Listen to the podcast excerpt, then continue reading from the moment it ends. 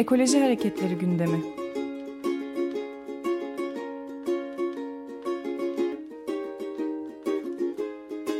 Çevre ve Ekoloji Hareketi avukatları tarafından hazırlanıyor.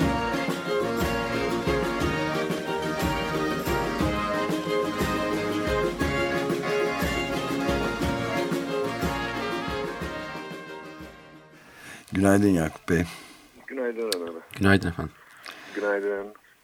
Bu Karadeniz'deki yeni projelerden söz edeceğiz biraz. Yeşil Yol mu? Yol. Evet. İsmi Ee, çok güzel.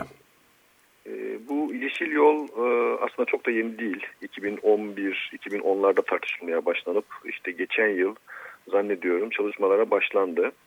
E, yani projeyi genel olarak anlatmak gerekirse e, Ordu e, başlayıp e, oradan 1000 metre kotlarına çıkıp oradan e, 1000, 1500, 2000 kotları arasından yayladan yaylaya, vadiden vadiye, dağdan dağa, e, Giresun dağları, yaylaları, arkasından Trabzon yaylaları, dağları, Rize yaylaları, dağları ve en son Artvin e, ne kadar uzanacak olan e, bir e, proje. E, bu proje ile amaçlanan e, işte e, Karadeniz'de herhangi bir havaalanına inen e, bir turist e, işte yeşil ile baş başa kalmak istediğinde e, bu yolu takip ederek hiç denize inmeden yayladan yaylaya konaklama tesislerinin de olduğu e, bir güzergahta e, yeşil ile baş başa kalacak ve ekoturizm yapılacak e, diye e, anlatılıyor, ediliyor. Projenin e, temeli bu. E, ama e, elbette pek çok e, sorun var e, yani bu yolun yapılmasından. E, tıpkı e, yolu Karadeniz sahil yolu gibi yapıyorlar öncelikle. E, yani 2 kilometre, 3 kilometre veya 8-10 kilometreyi bir ayrı paket yapıyorlar ve onu birileri yapıyor. Bir başka proje olarak yapıyorlar. Öbürünü bir başka firma yapıyor. E, bir başka proje olarak. Dolayısıyla hani e, yargı yoluyla e, buna başvurabilmek e, çok mümkün olamıyor. Çünkü e, farklı farklı e, kişiler, farklı farklı projeler, yüzlerce dava, vesaire. E, bir de e, bir bütünlük taşımadığı için e, yani o yörelerde e, olan insanların hani bir araya gelip de kendi bölgelerine ilişkin olarak dava açma şansını da e, son derece zayıflatmış oluyor. E, dava açmak gerekir mi? E, evet bence kesinlikle gerekir. Çünkü e, hakikaten e, Karadeniz'in e, ekosistem değeri çok yüksek vadileri e, 1500-2000 metre kutundan birbirine bağlandığında bir de yol yapma tekniklerini çok iyi biliyoruz. E, yarma tekniğiyle yapıyorlar, ediyorlar. E, bütün hafriyatı yamaçların aşağı döküyorlar. Yüzlerce e, metre e, arazi, orman e, örtüsü bu hafriyatların altında kalıyor. Ve inanılmaz bir kıyım 1500-2000 metre kotlarından devam etmiş olacak. Bu yükseklikler biliyorsunuz çok e, hızlı bir şekilde kendisini toparlayabilecek rakımlar değil. E, çünkü yükseklik arttıkça e, ekosistem hassaslaşıyor. E, yani işte 1500-2000 metre kotunda verimli toprak işte 1 santim, 2 santim, 3 santim veya 5 santim olabiliyor. Dolayısıyla siz o toprağı oradan aldığınız zaman geride kalan e, ölü toprak kesinlikle bir daha geri dönüşü olamayacak bir noktaya geliyor. Veya çok çok uzun yıllar, 50 yıl, 60 yılda ancak kendisini kapatabiliyor veya 100 yılda kapatabiliyor. E, dolayısıyla da e, büyük bir yıkım e, yaklaşık 600 kilometre devam edecek demektir bu da. Ve şu anda da bu çalışmalar devam ediyor maalesef. E, fakat nerede çalışıldığını e, takip etmek mümkün olamıyor. Çünkü 600 kilometre, e, 8-10 kilometrelik e, etaplar halinde yapılıyor. E, bir kısmısı şu vadide devam ediyor, öbürü öbür vadide devam ediyor, öbürü başka yerde devam ediyor. Kimin nerede, hangi projeyle ilgili olarak çalıştığını da takip etmek mümkün değil. Ve ama e, basından e, falan takip edebiliyoruz. İşte e, şuradan başlamış deniyor, e, buradan başlanmış deniyor ama ne başı var, ne sonu var, nerede ne yapıldığı belli değil. E, bazı yerlerde yayla yolu yapıyoruz diye yapıyorlar e, falan. E, böyle bir e, e, ne olduğu belirsiz bir proje. Ama elbette e, temel sebep e, şey değil e, bizce. Hani ekoturizm değil. Zaten ekoturizm bu da değil. E, hem yaylaların e, sonunu getirebilecek olan e, bir proje. E, bir yanıyla da zaten şöyle bir e, gelişme var. Onu da biliyorsunuzdur. Bir yönetmelik çıkarttılar. Bu Karadeniz'deki yaylalarda e, evleri olanların evlerinin meralarda olması nedeniyle ki bunlar 300 yıldır oradalar. E, o, o mera yerlerindeki yaylı evlerinin e, işgalci olduğuna dair bir yönetmelik çıkartarak bunları 25 yıllığına e, devlet kiralama yolunu açacak bir yönetmelik de düzenledi. Dolayısıyla bu kiraları veremeyen insanların ellerinden de bu yapılarının değerini ödeyip devlet geri alacak ve arkasından e, kim bu parayı öderse onlara verecek. Bu anlamda da orada bin yıllardır devam eden geleneksel yaşamın da sonunu getirecek. 20 bin, 20 bin aşkın evden bahsediliyor yayla evinden.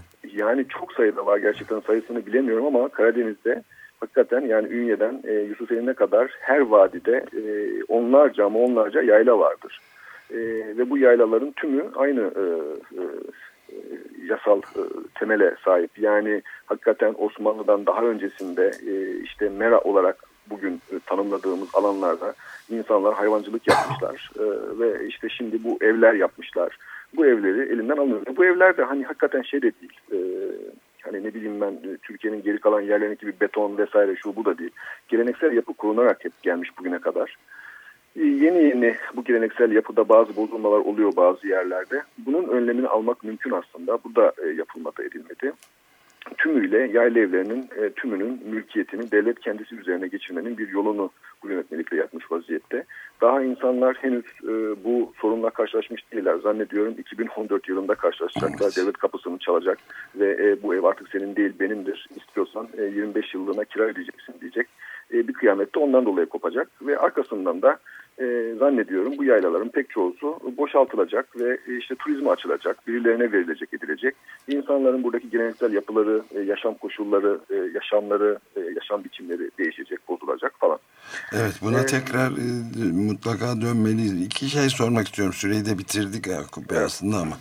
E, bir tanesi bu e, parça parça verilen projelerin e, hangi şirketlere verildiği isimleri belli mi şirketlerin bir onu soracaktım. Bir de ikinci olarak belki şeyi de sormak lazım. Yani son elimizdeki yeni e, haritalar bugün mesela Türkiye su fakirliğine doğru giden bir ülkedir diye sabah okuduk. İHA'dan bir harita var ve tam dediğiniz bölge bir tek e, su sıkıntısı, stresi çekmeyecek tek bölgenin haritada orası tam bu tarif ettiğiniz yer olduğu göze çarpıyor. Bunun e, korkunç sonuçları olacaktır yani. Evet, evet, evet e, onu biliyorum. Yani bu küresel ısınma nedeniyle Doğu Karadeniz'in bu kesimlerinde yüzde yirmilik bir yağış artışı öngörülüyor.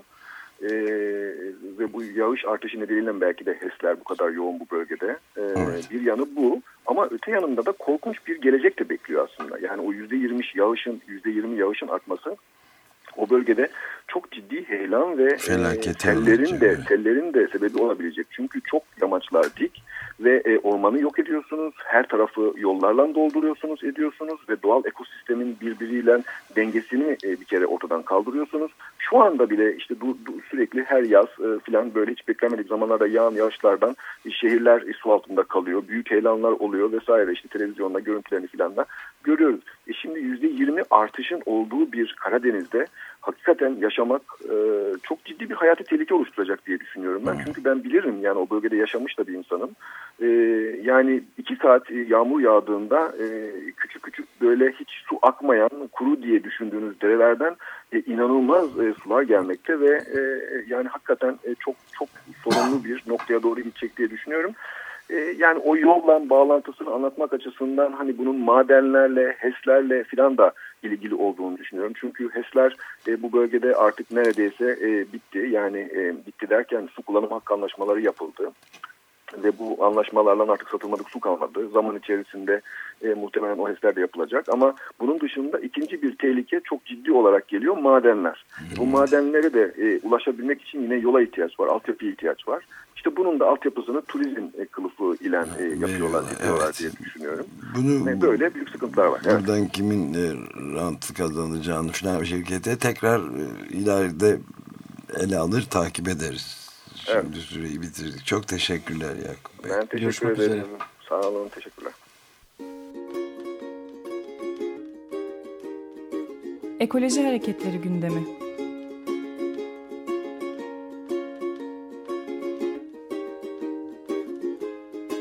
Çevre ve Ekoloji Hareketi avukatları tarafından hazırlanıyor.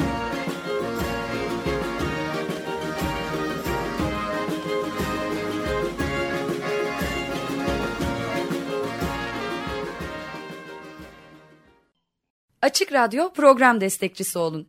Bir veya daha fazla programa destek olmak için 212 alan koduyla 343 41 41